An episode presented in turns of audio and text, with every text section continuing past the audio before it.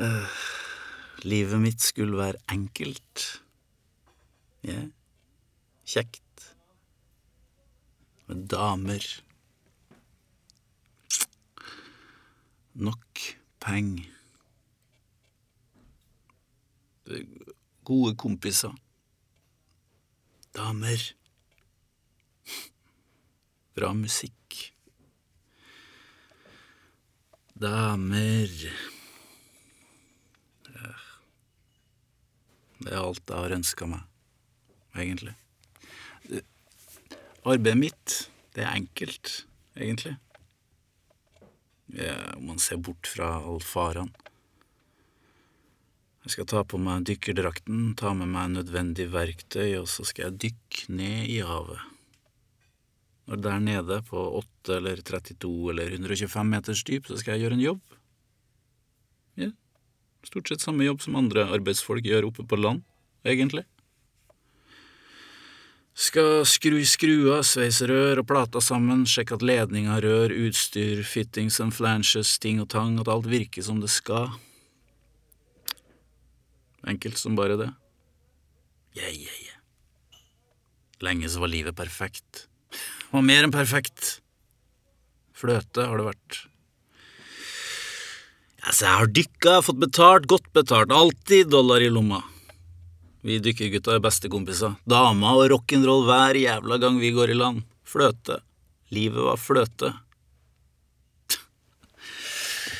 Helt til Kielland tok kvelden. Egentlig så var vi på vei til Frigg for å vedlikeholde ankerfestene der. Ironisk, er det ikke det det heter? Plutselig så snudde båten, sjefen han kom på callingen og sa at vi skulle opp til Ekofisk for å bistå i arbeidet etter ulykka på Alexander Kielland. De pårørende, de trenger oss, Mike, sa han til meg. Mike, Norge trenger oss nå, sa han. Alltid store ord fra den kjeften.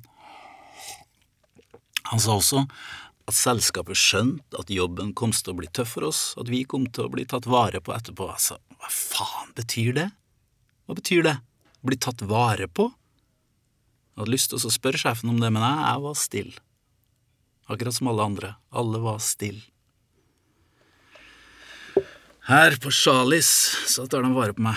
Musikken, ølet, tobakken, folka. Damene! Ah, damer. De er de beste til å ta vare på meg. Stille. Det ble stille lenge, både i rommet og på callingen. Nesten som vi umiddelbart skjønte at ingenting kom til å bli det samme igjen etter Kielland. Ikke engang når sjefen sa at vi kom til å få dobbel lønn for jobben, reagerte noen av oss. Altså, penger, det fyrer oss alltid opp, lukten av dollar får alltid en løk til å skrike opp. Men uh, ikke denne gangen. Nei, nei, nei. Når vi kom fram til ulykkesstedet og så plattformbeina som stakk opp, bølgene, livbåtene, kaoset, skrikene, fy faen, for et syn! Jeg tror egentlig ikke at jeg sov noe særlig før etter at Kielland-jobben var ferdig. Satan, ass. Den første overlevingsdrakten jeg så, det var den verste. Idet jeg svømte mot den, så ante jeg jo ikke om det fantes noen inni drakten. Jeg husker at jeg svømte under og holdt meg så langt unna jeg kunne uten å miste drakten av syne. Jeg nærma meg forsiktig og brukte lang tid før jeg våga å snu meg rundt og kikke opp for å se om det var noen der. Den første drakten var tom. Ingen, heldigvis. Heldigvis. De neste tolv draktene jeg fant, de hadde folk inni. Fy faen. Alle vi som dykka på kjellene, lærte oss raskt teknikker for å finne ut om det var noen inni drakten. Min metode var å svømme mot dem bakfra og kjenne på hetta om det var noe hardt inni der eller ikke, og var det hardt, så visste du at ja, da visste du at det var noen der. På den måten så slapp jeg i alle fall å se alle sammen inn i øynene. En av kollegaene mine fant en gammel kompis. Tenk det. Finn en man kjenner, død. På den måten, langt nedi havet, milevis hjemmefra, drukna, svelga, av Nordsjøen. Det hadde ikke jeg fiksa.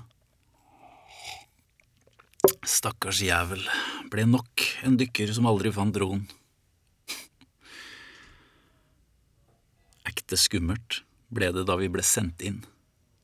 altså ned og inn i selve riggen, et satans sort hull. Føltes som uendelig mange mil med lange, mørke ganger. Jo lenger inn du svømte, jo mørkere ble det, jo trangere ble det. Og frykten for hva som venta bak neste lugardør, den frykten ble bare større og større, uansett hvor mange døde vi fant. Og samtidig så var det rolig der inne. Dødsrolig. Nei, huff. Det var så stille at det nesten ble vakkert. Jeg har aldri vært med på så rolige dykk før. Til og med når jeg snakka med kommandoen på dekk, så hviska vi til hverandre. Som om vi var redd for å vekke dem døde. På en uke så henta jeg, eller vi da, var jo med folk i båtene og hjalp til. Jeg fant og var med og henta ut 23 kropper fra lugarene i Vestbygget.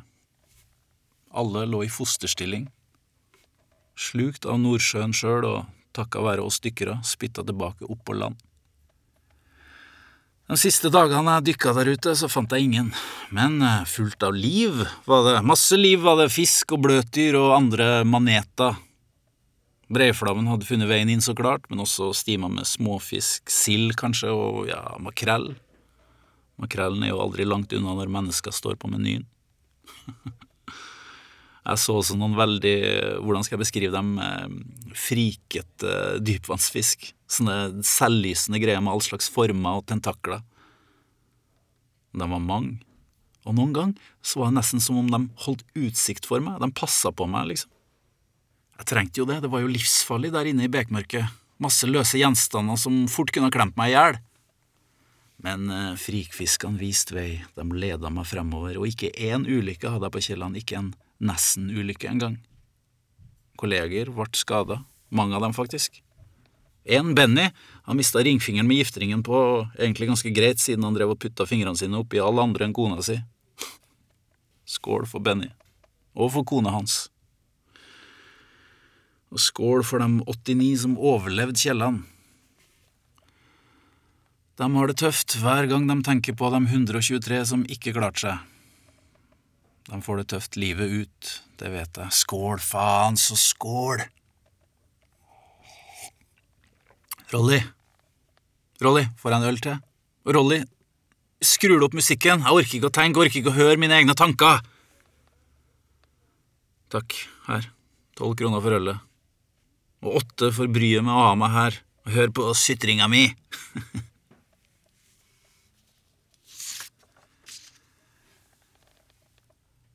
Jeg er Dykker-Mike, eller uh, Diver-Mike. Jeg er nordsjødykker. En av dem som senere vil bli kalt en pionerdykker. Jeg skal fikse ting under vann. Jeg skal sørge for at oljen kommer opp og ut og frem. Jeg skal ikke finne folk, jeg skal ikke svømme rundt inni en plattform. Jeg skal ikke sette livet mitt på spill.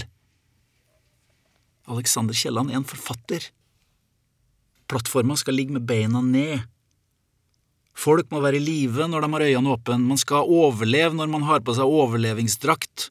Nordsjøen skal være full av fisk, ikke Fisk skal ikke spise folk. Jeg spiser ikke fisk. Aldri. Du har hørt utdrag fra Nordsjøen av Nick Hegreberg.